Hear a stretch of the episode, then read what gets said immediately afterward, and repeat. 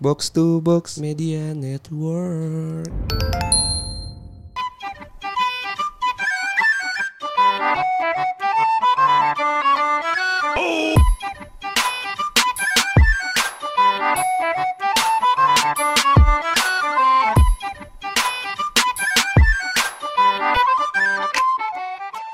Balik lagi di podcast bercanda bareng gue Hersal. Bareng gue Anjas. Gimana gimana Sal? Jadi gini Jas, kita eh, tumbenan nih rekaman di hari Jumat ya. Jumat. Iya kan, kan biasanya kita di hari Rabu gitu Iya. kan. Nah, ini gue mau nanya-nanya nih, kabar lu gimana Jas? Kayak kemarin baru ketemu ya. Kayak basi. Eh tapi so far gue baik ya. Gue kemarin tuh sebenarnya capek gitu kan nemenin lu nyari komik Jas Iya. gitu kan. Senang tapi kan. Seneng sih sebenarnya karena kan? oh ternyata ada kehidupan komik ya gitu kan. Iya, Kehidupan orang-orang yang iya, iya, komik iya, tuh benar, ada. gitu. Ada, ada, emang ada, emang ada. Cuma kalau lu seneng, gue tuh sedih Sal. Kenapa tuh? Karena kebetulan hamster gue mati lagi satu. Hamster lu mati lagi. Gue sedih banget, gue lagi Ini bad mood banget. Ini sebenarnya. tiap episode kita bahas hamster kayaknya iya kan. Gimana kalau jadi podcast hamster gitu kan. gue bad mood banget sebenarnya gue lagi gak mood banget nih kan hamster gue mati Sal. Oh enggak mood. Iya, Ya, lu gitu. sekarang ngeliatin podcast saya berarti ya. Iya oke. Oke oke oke. Jadi ada apa nih Sal? Kebetulan- Kenapa tiba-tiba kita rekam hari Jumat? Kebetulan kita eh, nggak berdua doang, Jas. Oke. Gitu. Karena kita kedatangan eh, seorang bintang gitu ya. Iya oke. Jadi kita kedatangan tamu dari Google Indonesia gitu kan. Bisa bi. Ada Mbak Feli sebagai apa tadi Jas jawabannya? Apa? Ah, Apa? ya? Gue gue menunggu. apa? Langsung aja kita kenalin kali ya. Langsung aja, ayo silakan Mbak Feli. Halo, halo, halo, selamat malam semuanya. Thank you for having me. Selamat malam, Mbak. Sehat Mbak? Ya, sehat, amin. Masih tetap kerja dari rumah, tetap juga kerja malam-malam hari walaupun hari Jumat. Iya, sama ya.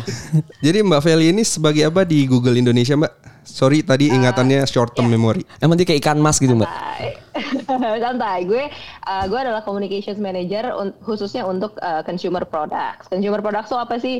Aplikasi yang langsung berhubungan ke konsumen. Contohnya Google Search, Assistant, Maps, apa aja deh. Oke. Oke. Langsung end user ya berarti ya. Iya. Eh, Mbak Feli sebenarnya aku mau nanya se- sebelumnya ya. Eh, Google is that a website or a search engine? Google-nya aja gitu maksudnya. Itu tuh website atau, atau search engine-nya aja sih Google? Banyak macam. Jadi memang kita bermula dari uh, satu yang kita sebut dengan search engine ya kan, the Google Search gitu. Oke. Tapi sekarang tentu sudah berevolusi menjadi banyak banyak uh, services atau produk-produk uh, lainnya. Contohnya Google Maps, Google Assistant, uh, YouTube gitu kan. Memang sudah banyak nih gitu. Jadi nggak tidak hanya sekedar Google Search. Eh sorry Google Search atau sebagai search engine gitu. Hmm, oke. Soalnya sebelumnya soalnya kalau kita ngomongin Google gitu ya. Ini mungkin rada out of topic dari kita ngomongin safety internet gitu ya. Cuma lu tau film The Internship gak sih? Tahu gua. Iya, yang yang yang yang intern tuh di Google gitu kan Iya. ya. Gue sempat nanya kok sama Mbak Feli. Oh iya. Cara intern di Google gimana, Mbak? iya. Buka di career google.com. Eh, ada ya. Tapi nggak bisa bahasa Inggris. Iya. Oh ya gimana? Cuma kan ini ya, internship itu menurut saya tuh mbak ya, eh, saya nih kayak tumben banget ngomong saya di podcast ini ya. jadi jadi kelihatan umur bedanya gitu ya. Ya menurut Gimana, menurut gue tuh gini mbak di internship tuh Google tuh sangat asik banget gitu kerjanya gitu kan ya kan? Hahaha banget. Dan menurut gue juga si Google itu salah satu pelopor di mana smart office gitu loh. Dan fun fun office ya fun office ya fun office gitu yang yang kayak di mana ada, kayak perosotan ada Iya. biliar. Dulu tuh menurut gue tuh kayak kerja tuh monoton gitu kan ya. Main sepeda ya. I- iya ada ya kan? Yang goler-goler Iya. kayak pantry-nya bagus. Kalau sekarang kan jadi jadi banyak kayak gitu kan menjamur e-commerce kayak gitu ya. Sebenarnya mau nanya sedikit aja sih Mbak. Di Google tuh kerjanya kayak gimana sih kan pasti banyak banget yang penasaran nih. Uh, sebenarnya sama aja sih kalau dibilang kerjanya seperti apa mungkin sama aja karena aku juga jujur um, pernah beberapa so, a couple of companies before Google. Jadi aku pernah kerja di beberapa perusahaan sebelumnya. Uh, memang Google lebih play, playful in a sense that um, banyak yang tadi kamu bilang ada fasilitasnya lebih playful ya gitu kan. Ada ada sleeping sleeping podsnya Iya.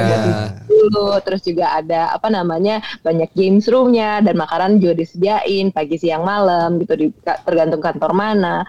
Juga ada tempat bermainnya lah bisa dibilang kan bisa explore karena kalau aku lihat yang aku uh, alami sendiri juga Google mementingkan well uh, balance jadi antara uh, apa produktivitas itu um, yang tahu yang bisa ngatur adalah karyawannya individu masing-masing. Jadi dia nggak mengatur kamu harus dipaku kerja 98 nggak boleh ngapa-ngapain cuma hanya di depan komputer enggak. Tapi produktivitas um, itu yang paling tahu adalah individu masing-masing dan kreativitas juga kan har harus uh, dibuka karena dengan adanya keterbukaan kita bisa jadi apa ya bisa jadi lebih uh, semangat mungkin kan dengan lebih ide-ide ide-ide yang um, memacu untuk um, bereksperimen atau menemukan hal-hal baru yang inovatif pun juga akan jadi lebih um, mungkin akan lebih um, tendensinya terbuka juga lebih bermunculan gitu kan kolaborasi juga jadi lebih santai.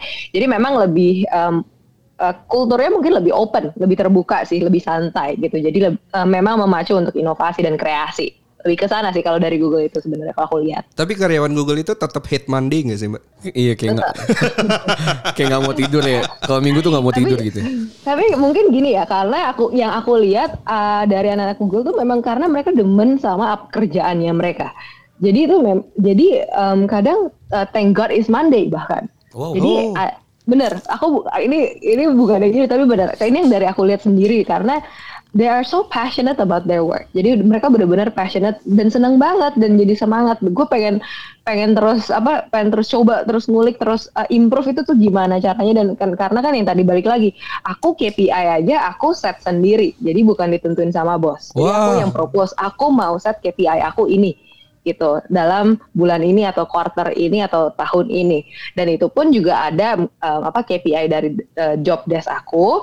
Uh, KPI aku secara personal dan aku pengen berkontribusi apa gitu. Jadi makanya um, individuality itu memang ter, uh, benar-benar ter, uh, terlihat jelas sih kalau di Google. Jadi memang inisiatif sendiri dan kita pengen pengen targetnya mencapai apa dan seneng sama kerjaan itu kelihatan banget. Dan aku uh, itu yang aku terlihat jelas sih dari banyak orang anak Google tuh memang passionate banget sama kerjanya. Jadi uh, mungkin ada waktu-waktu kan nggak melulu pasti harus yang oh I I love Monday I love my job gitu. Mungkin ada waktu-waktu yang downnya mungkin ada waktu ada yang uh, senangnya. Tapi yang aku lihat kebanyakan they are so passionate about their job thank God is Monday jadinya gitu sih. Kita nggak bisa daftar lewat jalur Mbak Feli gitu Mbak. Harus semuanya ke website, nggak ada nepotisme. Kayak seru banget ya soal di Google ya. Iya iya. Soal Google Indonesia itu juga ada Mbak, kalau misalnya di kantornya ada. sendiri. Wow, seru banget ya. Ada, ada. Anak-anaknya juga seru-seru, asik-asik banget. Justru anak Indonesia uh, lumayan ini sih, akrab satu sama lain. Itu yang paling seneng sih. Ada perosotannya? Indonesia. Kenapa? Ada perosotannya nggak di kantor? Gak ada nih kebetulan. Ya. Kebetulan gak ada. Kak. Cuma ada beca. Oh, enggak, enggak jadi daftar kita mbak. kita butuh perosotan. Boleh gak gue gue beca gak apa-apa. Tapi kan kita gak boleh ke kantor nih. Lagi pandemi. Oh iya benar. Work from home ya teman-teman. Iya. Ngelanjutin yang tadi Sal. Yang internet safety. Uh -uh. Kalau ngomongin terus um, condition juga gue sebenarnya nggak pernah sih. Lu, lu pernah nggak sih kalau misalnya lu, lu baca dulu gitu awalnya? Gue tuh kalau mau download games doang sebenarnya. Baru okay. gue baca.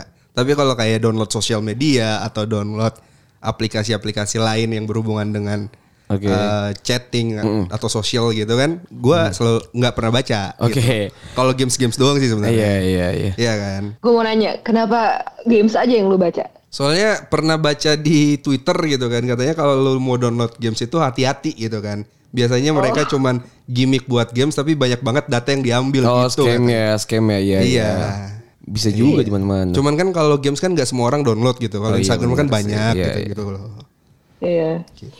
Oh, well sebenarnya gue juga sebenarnya uh, salah satu pelaku sih yang uh, scroll ah udah banyak panjang banget nih agree aja gitu kan kalau setiap kali gue download apa apa kan. Yep. tapi semenjak gue masuk Google tuh gue jadi di uh, diajarin sih jadi lebih jeli harus lebih jeli gitu harus lebih melek sama yang begini-begini. Kenapa? Karena ya karena yang tadi gue bilang handphone ini kan ibaratkan teritori kita ya wilayah kita. Jadi kita harus tahu dulu nih ketika kita download mengundang orang masuk akan akan minta akses apa aja nih gitu aplikasi hmm. ini.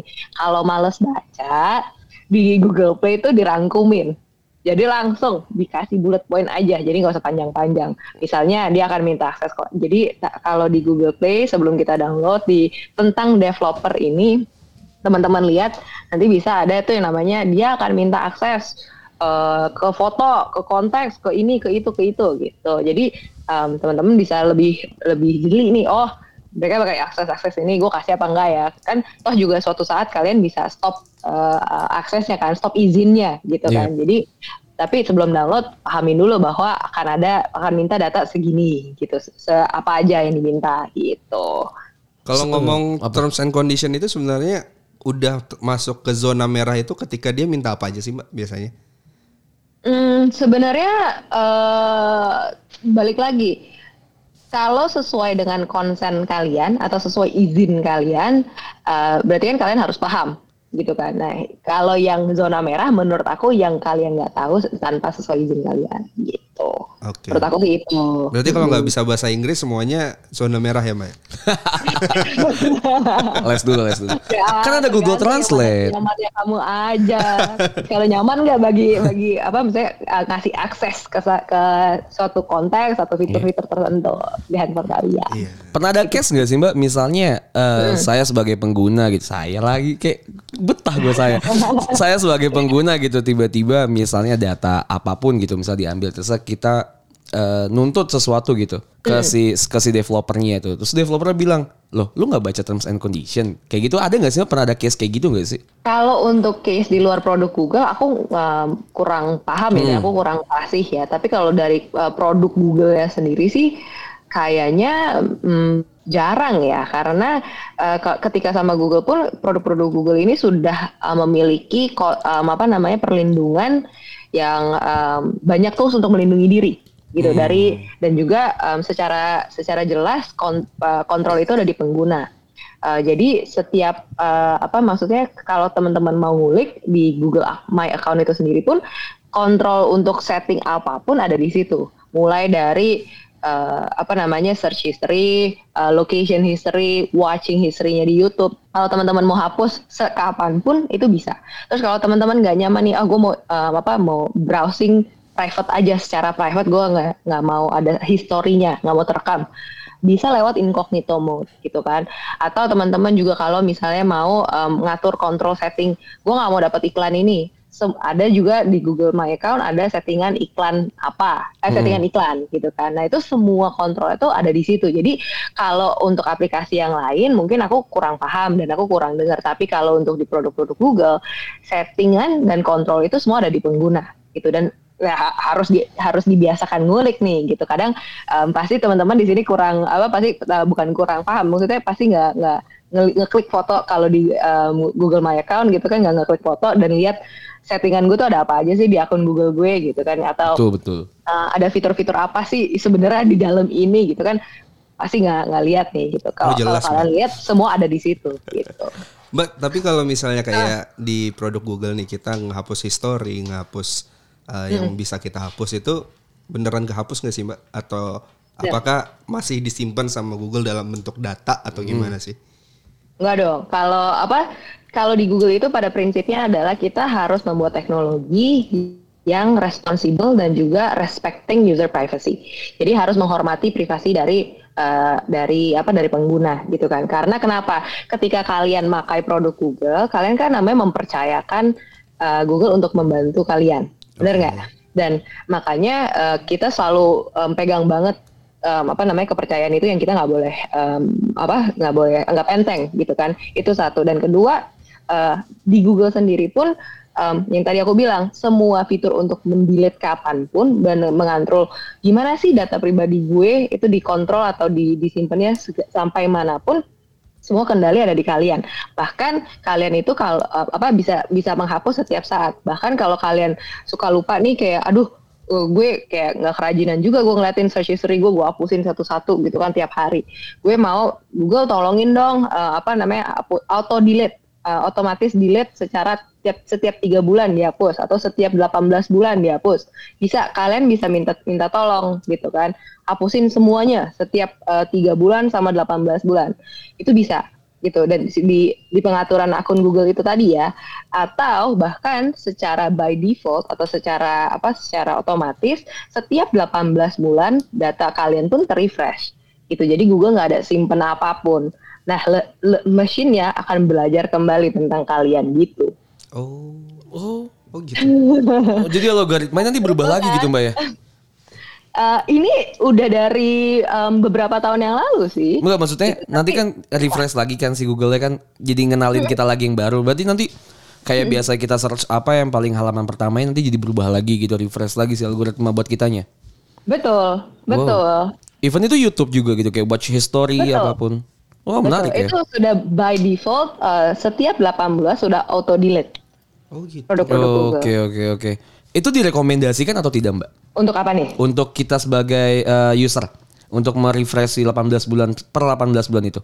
Nah, user nggak perlu request, kita udah melakukan. Auto, Jadi setiap ya? 18 bulan kita udah auto delete, sudah oh, udah delete secara otomatis di semuanya. Nah, kalau user mau lebih proaktif lagi, kayak Mbak, gue nggak mau 18 bulan, tiga setiap tiga bulan deh gitu. Bisa kalian ada settingannya gitu. Oke oke oke oke. Dan bahkan kalau kalian mau rajin lagi nih, mau setiap hari dan satu-satu kalian mau lihat apa yang di delete apa yang nggak di delete itu hmm. juga bisa karena di akun My Google semua search history kalian ada di situ Betul. kalian bisa delete delete atau watching history kalian juga ada di situ kalian mau delete mau enggak juga di situ itu kalau kalian, kayaknya kalau kurang kerjaan gak ya mbak Kalau kalian memang sedetil itu kan ada yeah, orang yang ada orang yang OCD sih ya. Yang kayak email. Soalnya gue gitu loh tiap hari oh, buka-bukain iya. email iya biar nggak ada. Oh email podcast berantakan kayak ya? nggak unread gitu lah. dan dan yeah. Iya. kan kan kalau uh, apa namanya kayak search history dan YouTube history itu kan uh, apa namanya melatih uh, memberitahu kita ini loh yang aku suka, ini loh yang aku uh, biasa buka gitu kan. Yeah. Yang pengen tahu. Nah, itu kan learning. Namanya juga machine learning gitu kan. Nah itu kasih tahu kita apa yang kalian suka, apa yang kalian mau gitu. Oke, okay. eh, Mbak menarik nih. Eh, soalnya hmm. tadi Mbak sedikit mention incognito sama machine learning tadi ya. Betul. Iya. Terus Uh, aku jadi sekarang tuh rata-rata kalau nge-search itu pakai incognito mbak, pakai web inco eh pakai si tab incognito. Karena VPN ya. Sama ya itu nanti ya. nah, karena karena awalnya misalnya kayak aku lagi belanja sesuatu di e-commerce gitu ya. Terus kalau misalnya aku search misalnya aku beli apa ya hand sanitizer gitu. Nah nanti tuh iklan yang aku buka web dari si Google-nya itu tuh pasti berkaitan dengan apa yang aku beli di e-commerce gitu loh mbak. Ya. Yeah. Hmm. Nah itu itu ada ada pengaruhnya nggak sih ke terhadap safety? Aku merasa kayak loh apa yang gue suka kok jadi kayak jadi kayak semua orang bisa tahu gitu loh. Kayak nanti takutnya yeah. ketika aku beli sesuatu yang let's say apa pun yang nggak aku mau tahu hmm. orang tahu gitu. Misal minjem laptop aku pas pas hmm. dia lagi lihat website-website ngebuka Oh lu beli ini ya? Kan kayak males kan jadinya kan. Malu ya jadinya iya. Misalnya apa ya kan? Kita nggak iya. tahu ya. Beli hamster gitu kan. bisa hamster mungkin ya kan? Tempat minum hamster gitu. Nah itu tuh emang emang emang ngaruh ke sana. Apa gimana sih mbak? Makanya aku sekarang jadi pakai incognito sih rata-rata. Uh, jadi memang uh, pada prinsipnya adalah um, jadi gini bedain platform Google dan platform e-commerce. Itu okay. kan sudah dua platform Udah yang beda. berbeda ya. Mm -hmm. Jadi dan punya dua ekosistem yang berbeda.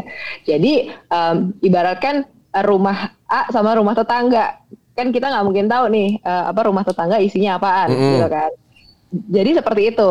Jadi bisa dibayangkan seperti itu. Jadi sama aja seperti Google dengan uh, um, apa platform lainnya. Jadi kita nggak tahu nih um, apa algoritma atau data-data yang ada di platform sana di sebelah itu di tetangga apa gitu kan. Jadi uh, yang kita hanya bisa tahu adalah yang kita bisa kontrol kontrol juga ada di pengguna di platform Google. Yang aku bisa jelaskan juga sekarang ada di platform Google gitu. Jadi uh, nggak akan uh, apa ya nggak akan ada uh, korelasinya sebenarnya. Apa yang kalian search atau mungkin kalian secara secara tanpa sadar pengen cari tahu sepeda atau tentang obat misalnya obat apa ini yang ada di di platform e-commerce kalian cari di Google dulu berita-beritanya atau mungkin penjelasannya baru balik lagi ke ke e-commerce. Mungkin kan seperti itu aja gitu kan. Hmm. jadi memang uh, apa aku nggak tahu nih search history-nya seperti apa case by case again akan uh, apa setiap kasus akan berbeda mungkin aja seperti itu yang bahkan jadi mungkin tanpa sadar kan kalian mungkin hmm. melakukan itu jadi tiba-tiba muncul oh kok di Google ada di ini ada gitu kan, iya. kan tiba-tiba iklan si iklan YouTube-nya iya. iklan YouTube-nya jadi itu gitu mbak Nah, nah jadi siapa tahu kan kalau kalian ternyata pengen tahu obat A, obat hamster A, kalian yeah. tahu dulu nih cari iya. beritanya, yeah. terus pernah nonton ada nggak cara penggunaannya seperti apa, bener nggak ini kayak okay. gimana? Mungkin tanpa kalian sadari kalian sudah melakukan itu, ada jerninya, ada ada historinya, tapi yang yang paling penting adalah um, dari ekosistem Google sih ya ekosistem Google gitu. Jadi hmm. nggak kita kasih ke luar-luar atau kita uh, ada orang lain pun bisa akses data-data kalian yang ada di Google enggak.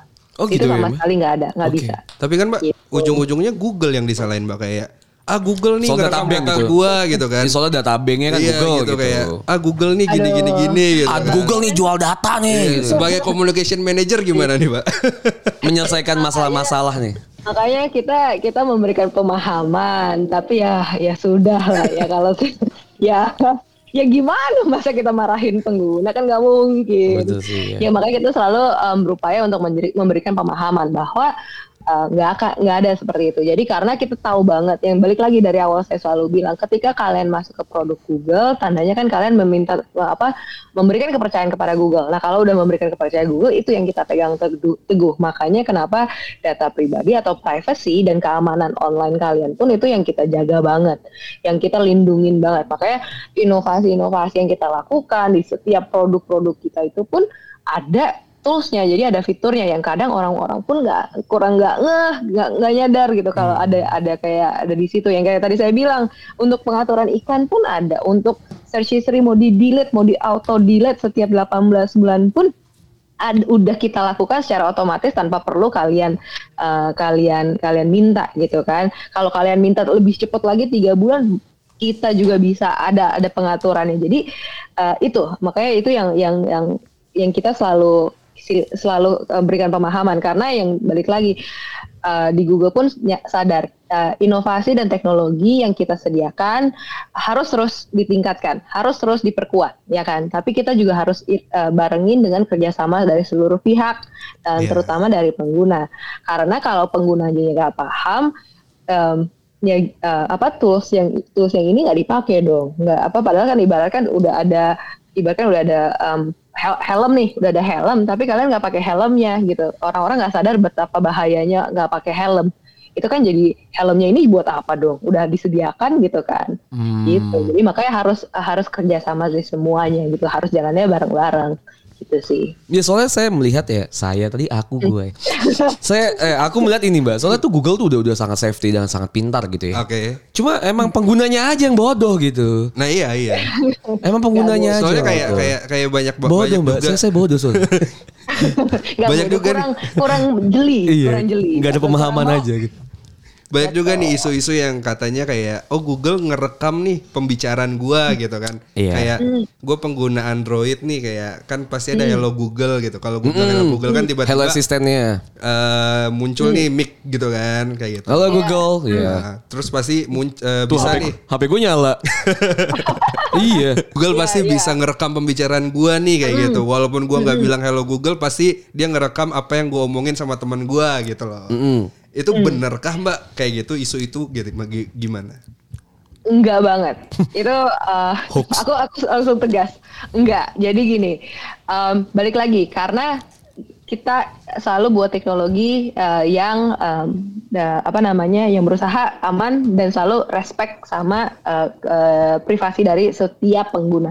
Dan itu udah jadi harga mati lah di Google. Jadi kita nggak nggak akan namanya uh, take that for granted atau take that lightly uh, atau menganggap remeh itu se- sendiri.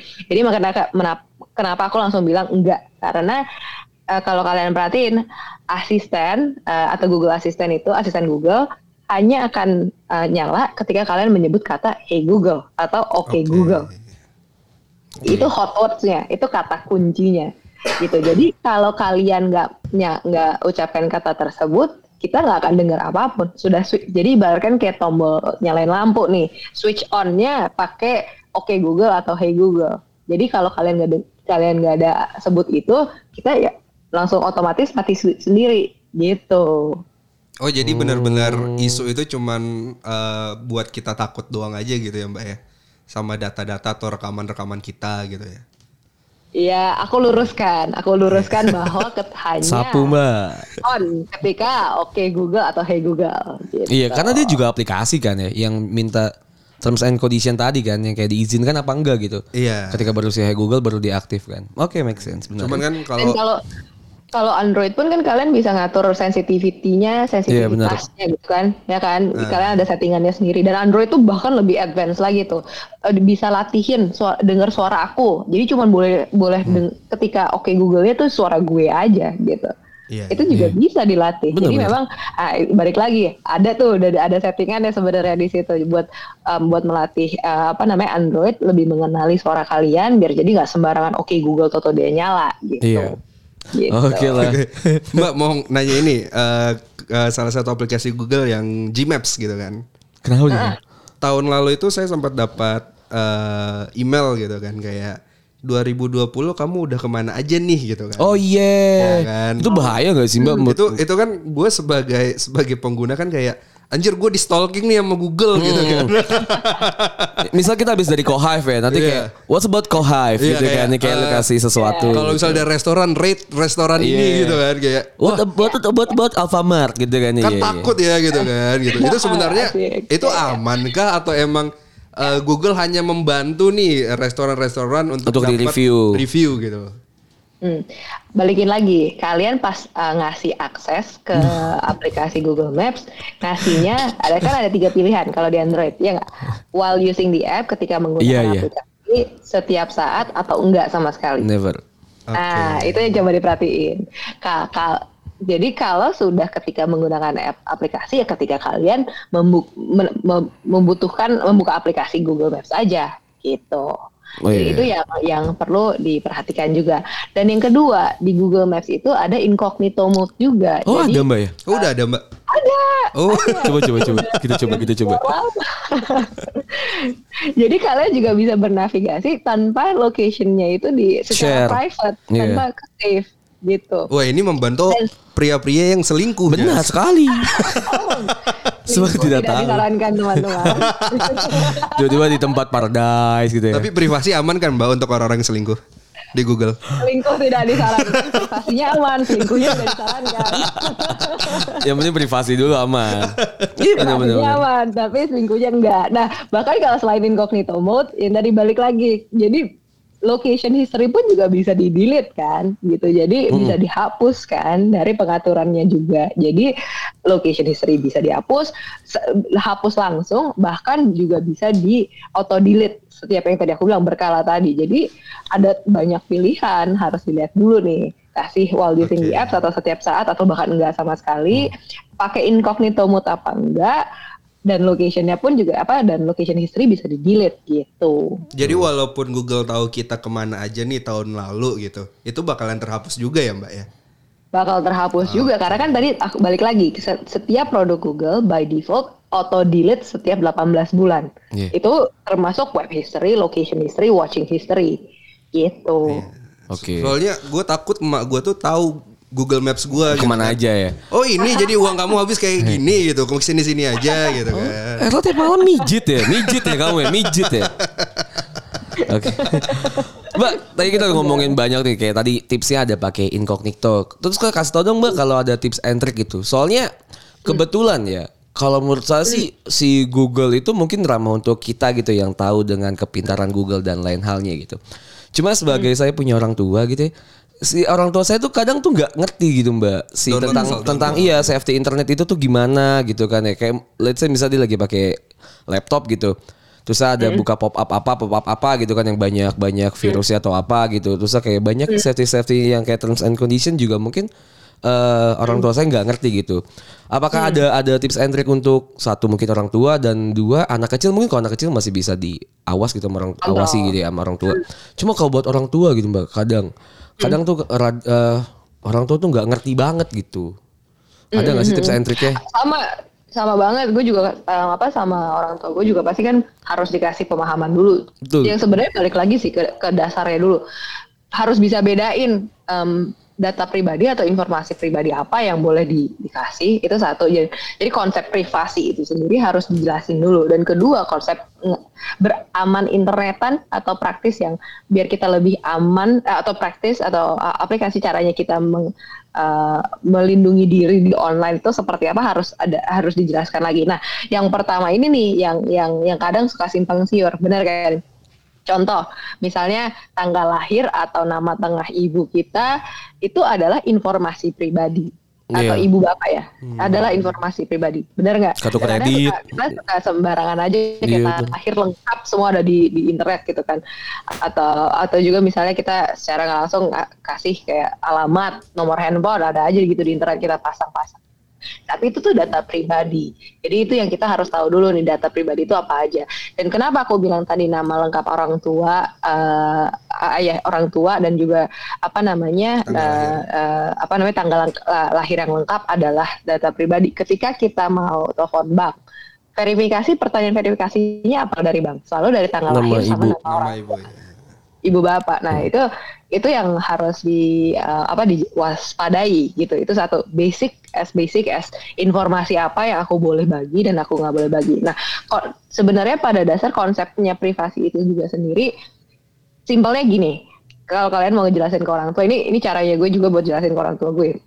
Simpelnya gini, kalau ada uh, foto berkeliaran di grup-grup uh, pesan-pesan instan yang di luar sana tuh uh, orang tua suka kirim aja gitu kan hmm. kirim nih fotonya dia nih eh nih cantik nih gitu atau nih ganteng nih gitu kan tapi kan itu sebenarnya foto itu adalah uh, pribadi ya data pribadi ya yeah. dan kalau kita kirim tanpa seizin orang tersebut itu sudah itu sudah breaching breach melanggar. atau melanggar privasi itu sebenarnya pada oh. dasar dan intinya tanpa seizin ya. Hmm. Nah harus ada izin dulu.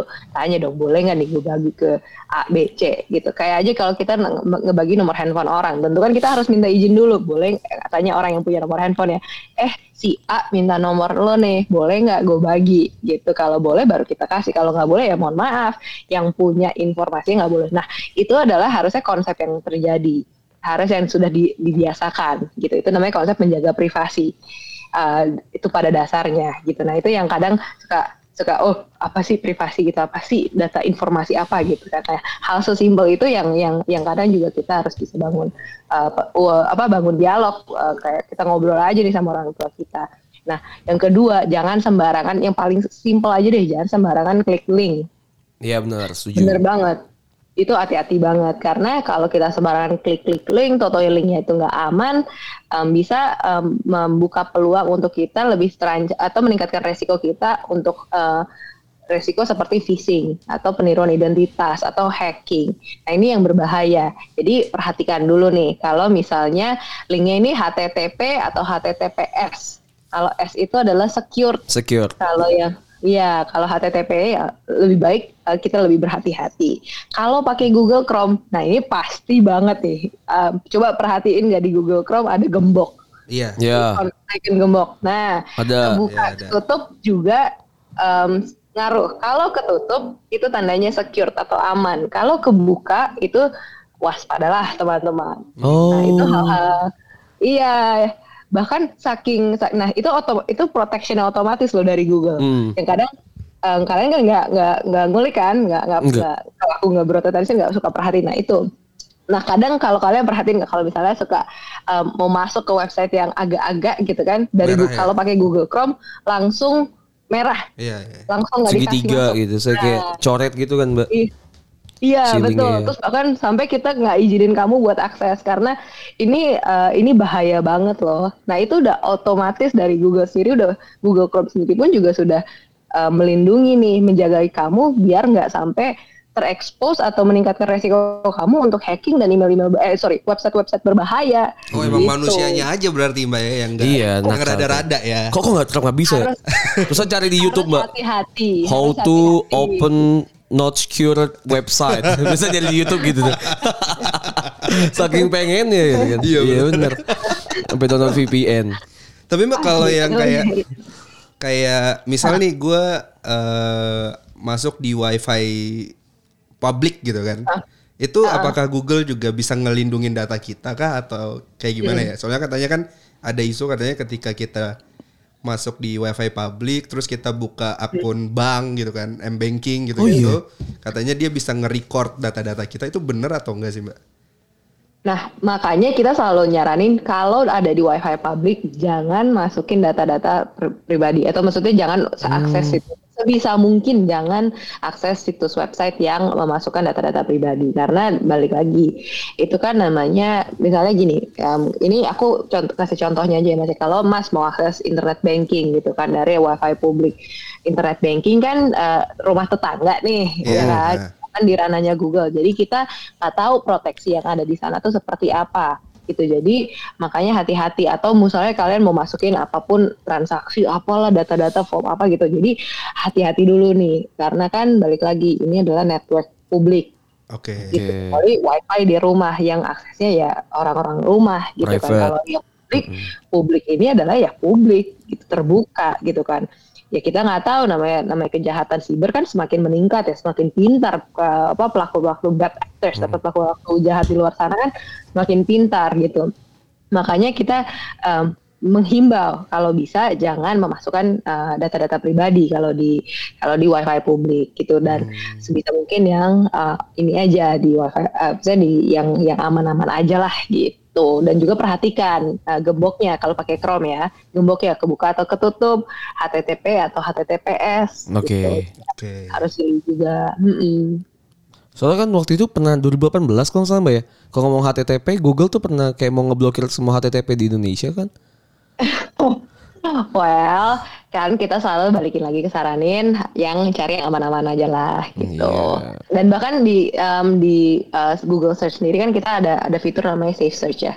Yeah. Safe Search itu adalah um, untuk um, perlindungan juga tuh balik lagi ke perlindungan untuk biar kalian um, apa uh, terlindungi dari website-website yang berbahaya dan juga website-website yang kurang hmm. uh, appropriate gitu jadi bisa dinyalakan bisa lebih aman lagi. Oke. Okay. Gitu. Okay. Kalau fokus buat ke anak muda nih mbak kan sekarang anak muda hmm. tuh lagi kayak millennials pret lah millennials uh. ya kan lagi zaman banget nih. Dia lagi benci banget mbak sama kata-kata milenial. Milenial tuh apa coba mbak? Iya kan aneh banget coba. Terus terus lagi lagi internet banget gitu kan ya lagi zaman sosial media lah apalah gitu. Ada hmm. tips and trick gak mbak untuk nge-surfing di Google gitu kalau misalnya di internet tuh yang safety-nya tuh kayak gimana sih buat mereka-mereka nih yang kadang tuh otaknya belum kebentuk gitu mbak.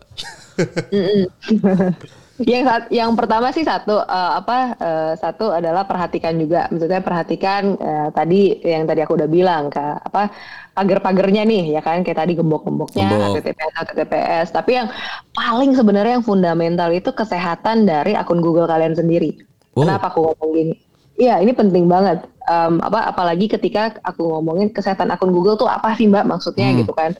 Um, password, kesehatan password, terus juga hmm. um, okay yang itu tuh ngaruh banget ya? kenapa sih uh, apa nggak maksudnya bukan nggak pernah ya maksudnya lebih cuek gitu kan. Kadang soalnya saking banyaknya aplikasi yang gue mesti masukin password jadi gue bingung iya password itu itu aja ya mbak. kombinasi banget. Dan kadang kan kayak aduh apalagi kombinasinya yang yang susah gitu kan. Kalau di Google kan suka ditandain tuh yang iya, strong, strong itu gitu, iya atau yeah. better gitu kan.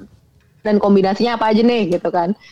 Dan paling penting adalah jangan jangan jangan jangan banget password satu untuk semua dan juga jangan jangan ya sebisa mungkin kalau bisa dihindari taruh taruh password di satu tempat uh, misalnya di aplikasi yeah, catatan yeah. gitu gua kan. banget gua banget Jadi gue gue ngomong karena gue juga dulu mengalami sebelum gue masuk Google tuh gue juga kayak gitu. Jebol Jadi ya, satu untuk semua yeah, passwordnya okay. gampang aja ditebak gitu kan.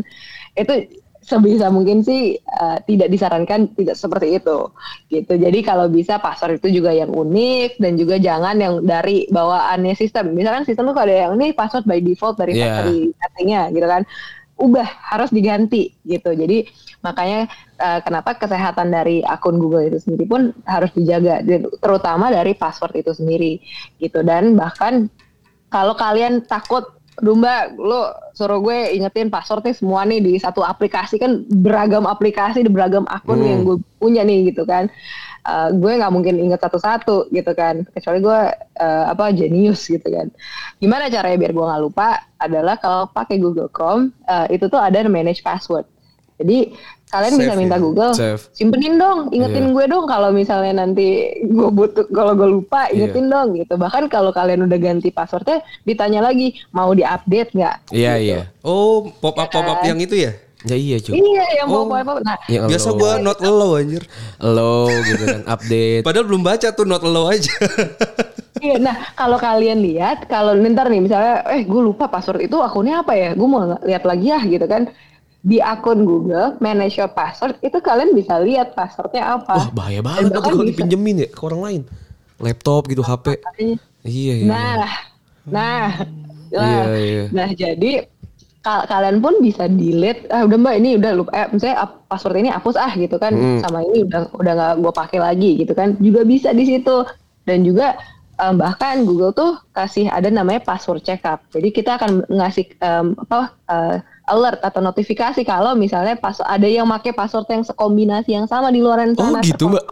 Ada ya? iya password checkup ada Oh ada. selama ini gue nggak pernah dapat berarti nggak ada yang pakai passwordnya kayak gue gitu bener.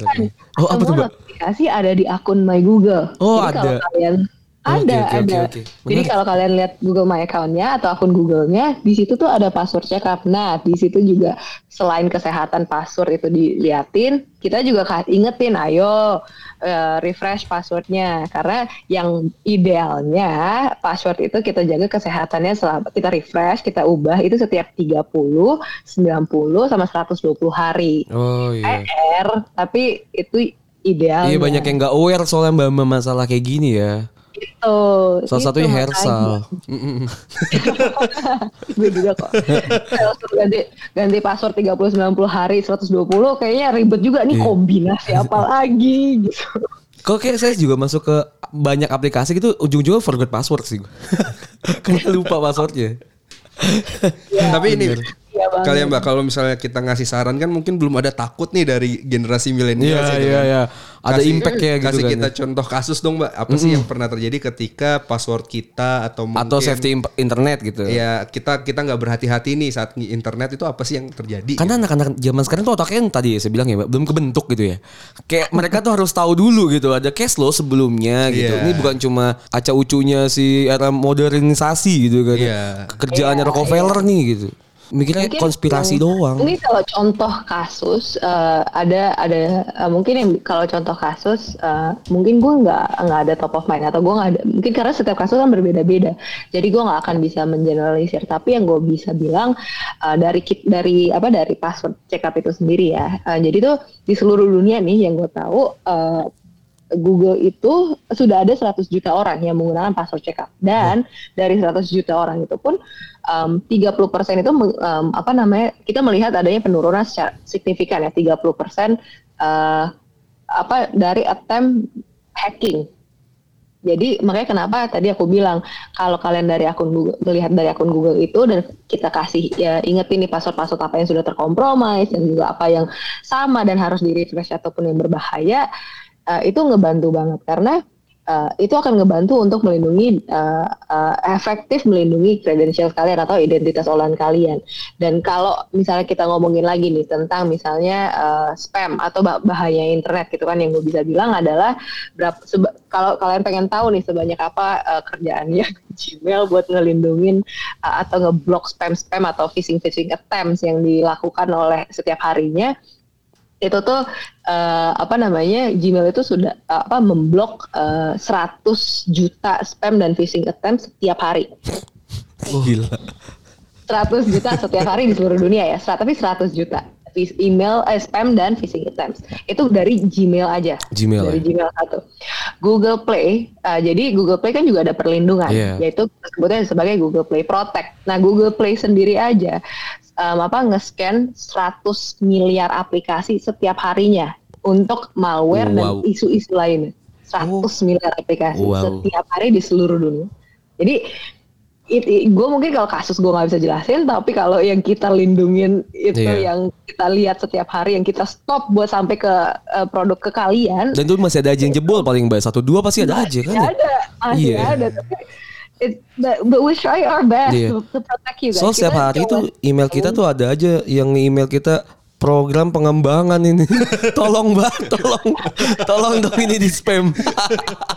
itu itu namanya itu namanya semakin teknologinya semakin canggih kejahatan siber atau bad actors kan semakin kreatif dan semakin meningkat Betul, juga iya. Jadi makanya Pada kita pinter-pinter. ini kerjasama nih kayak kita nih teknologinya kita udah sediain ayo Iya. dong kita- pengguna juga harus harus jeli nih sama-sama kita Betul. lawan atau bikin internet jadi lebih aman gitu. Pandemi nggak terjadi di dunia nyata doang ya ternyata ya, tapi di, Di dunia, dunia digital juga sana, terjadi iya. ya. Gitu loh kayak Google udah jadi masker kita nih gitu. Iya. Gimana caranya virus-virus kita, ya. kita bisa menggunakan masker ini Iya. dengan bijak atau enggak? Tapi banyak juga yang nggak pakai masker ya kan Mbak. Si orang-orang user ini tiba-tiba dia ngedownload aplikasi yang emang harusnya berbayar tapi nggak berbayar di aplik di website apa gitu. Itu banyak banget tuh Mbak. Yang ujung-ujungnya Salah satunya Anda? Iya salah satunya saya dulu. salah satunya saya dulu. Iya benar. Kayak gitu tuh Mbak banyak banget. Jadinya ya Makanya. emang hati-hati aja ya berinternet emang ya Mbak. ya. harus iya sebenarnya kayak sebenarnya tapi ini bukan pengen aku takutin jangan berinternet berinternet atau jangan terlalu aktif gitu enggak gitu tapi sebenarnya tuh apa ya internet itu seru banget dan aku sendiri juga belajar banget dan juga semuanya aku belajar dari dari internet juga gitu Betul. kan aku cari tahu dan segala macam hal ada di internet gitu Cuman harus jeli dan karena kita harus ingat lagi kalau teknologi adalah enabler yang punya kontrol itu semua ada penggunanya dan kalau di Google kontrolnya itu sudah ada dan tergantung gimana kita um, menggunakannya yang sebaik mungkin. Kenapa? Karena yang balik lagi privacy dan keamanan berinternet itu personal. Jadi kita nggak bisa mendikte kalian harusnya begini, harusnya begitu. Enggak, karena balik lagi yang tahu kebiasaan digitalnya kalian itu kan kalian. Iya. Gitu kan. Yang tahu pengaturan yang tepat seperti apa kan kalian. Nah, kalau di Google makanya kita hanya bisa mereka memberikan rekomendasi kayak password checkup, kita hanya bisa mengingatkan kalian mau aktifkan apa enggak kan tergantung kalian. Gitu itu balik lagi ke ke sana sih. Jadi harus kendali ada di kontrol kendali dan kontrol itu semua ada di pengguna dan plat dan toolsnya sebenarnya sudah tersedia gitu. Iya benar. Oke. Emang harus kita harus pinter gitu. Iya, terakhir nih Mbak ya sebelum penutupan. Jadi bisa dipastikan kalau data kita yang ada di Google tidak dijual ya Mbak ya? Eh, tidak karena eh, balik lagi kepercayaan eh, pengguna itu yang dipegang teguh oleh Google. Itu. Gitu. Dan kita selalu selalu berprinsip untuk em, bertanggung eh, memiliki membangun teknologi yang juga bertanggung jawab gitu. Jadi itu yang itu yang eh, penting perlu diingat. Iya. Cari pasangan kayak Google gimana ya? Susah ya. Mbak aku mau nanya satu aja nih terakhir. Aku tuh Ya. punya email kan eh, Gmail tuh banyak ya. Itu it- it- it's okay apa apa enggak? Sebenarnya direkomendasikan gini, kayak eh, kalau banyak banget nih teman-teman juga selalu Iya, bilang ada bahwa tiga online Iya. world harus memimik adalah offline offline world. Jadi identitas online itu sebenarnya kan. Iya. Oke. Disarankan sih satu untuk setiap pengguna. Tapi kalau memang kepepet, ya balik lagi semua kontrol dan Oke. kendali ada di teman-teman masing-masing gitu. Oke. Jadi eh, apa kita nggak ngatur baiknya satu atau dua atau apa gitu enggak. Tapi ya itu adalah online identity dan yang yang paling tahu kan kalian sendiri gitu. Oke. Oke, Mbak. Itu aja seru ya, seru ya. Seru banget, seru banget, seru banget. Seru banget. Berfaedah ya. Berfaedah. ya. Iya. ya. Kayak kayak ngegampar. sadar gitu ya kayak Iya. anjir gue goblok juga ya gunain internet gitu. Kok selama ini gue ceroboh gitu Iya. ya. Selama ini otak saya belum terbentuk. Ih, jeli. Selama ini saya otaknya belum terbentuk ternyata. Oke, thank you banget nih Mbak Feli udah join kita di episode kali ini ya. Iya. Ya kan. Jangan bosan-bosan untuk main di kita ya Mbak ya. Eh thank you banget udah diundang dan udah um, bisa ngobrol-ngobrol hal seseru ini. Dia. Jangan takut-takut buat ngebahas tentang privacy atau keamanan internet ya, karena nggak seserem itu kok sebenarnya. Oke. kita podcast paling seru kan Mbak? Bercanda aja nih. Eh muka lu biasa aja ya, tiba-tiba ada Akmal ya. ya Oke, itu, kali. itu kali aja, itu aja kali ya. Itu aja ya? kali. Oke, untuk teman-teman semua yang mau follow Instagram atau sosial media kita di Twitter, Instagram ada di podcast bercanda ya Jess ya. Iya betul. Uh, atau kalau ada bisnis-bisnis inquiry ini kita pakai Gmail loh, keren banget ya. iya. Ini Google nih keren banget soalnya. Gmail tuh menurut gue soalnya. Cocok nih Google masuk nih. email paling bagus loh. paling safety ya kan. Bener. Iya, silakan email kita di podcast.bercanda@gmail.com. Oke. Oke. Gua Hersal pamit. Gue Anyes pamit. Bye, thank you.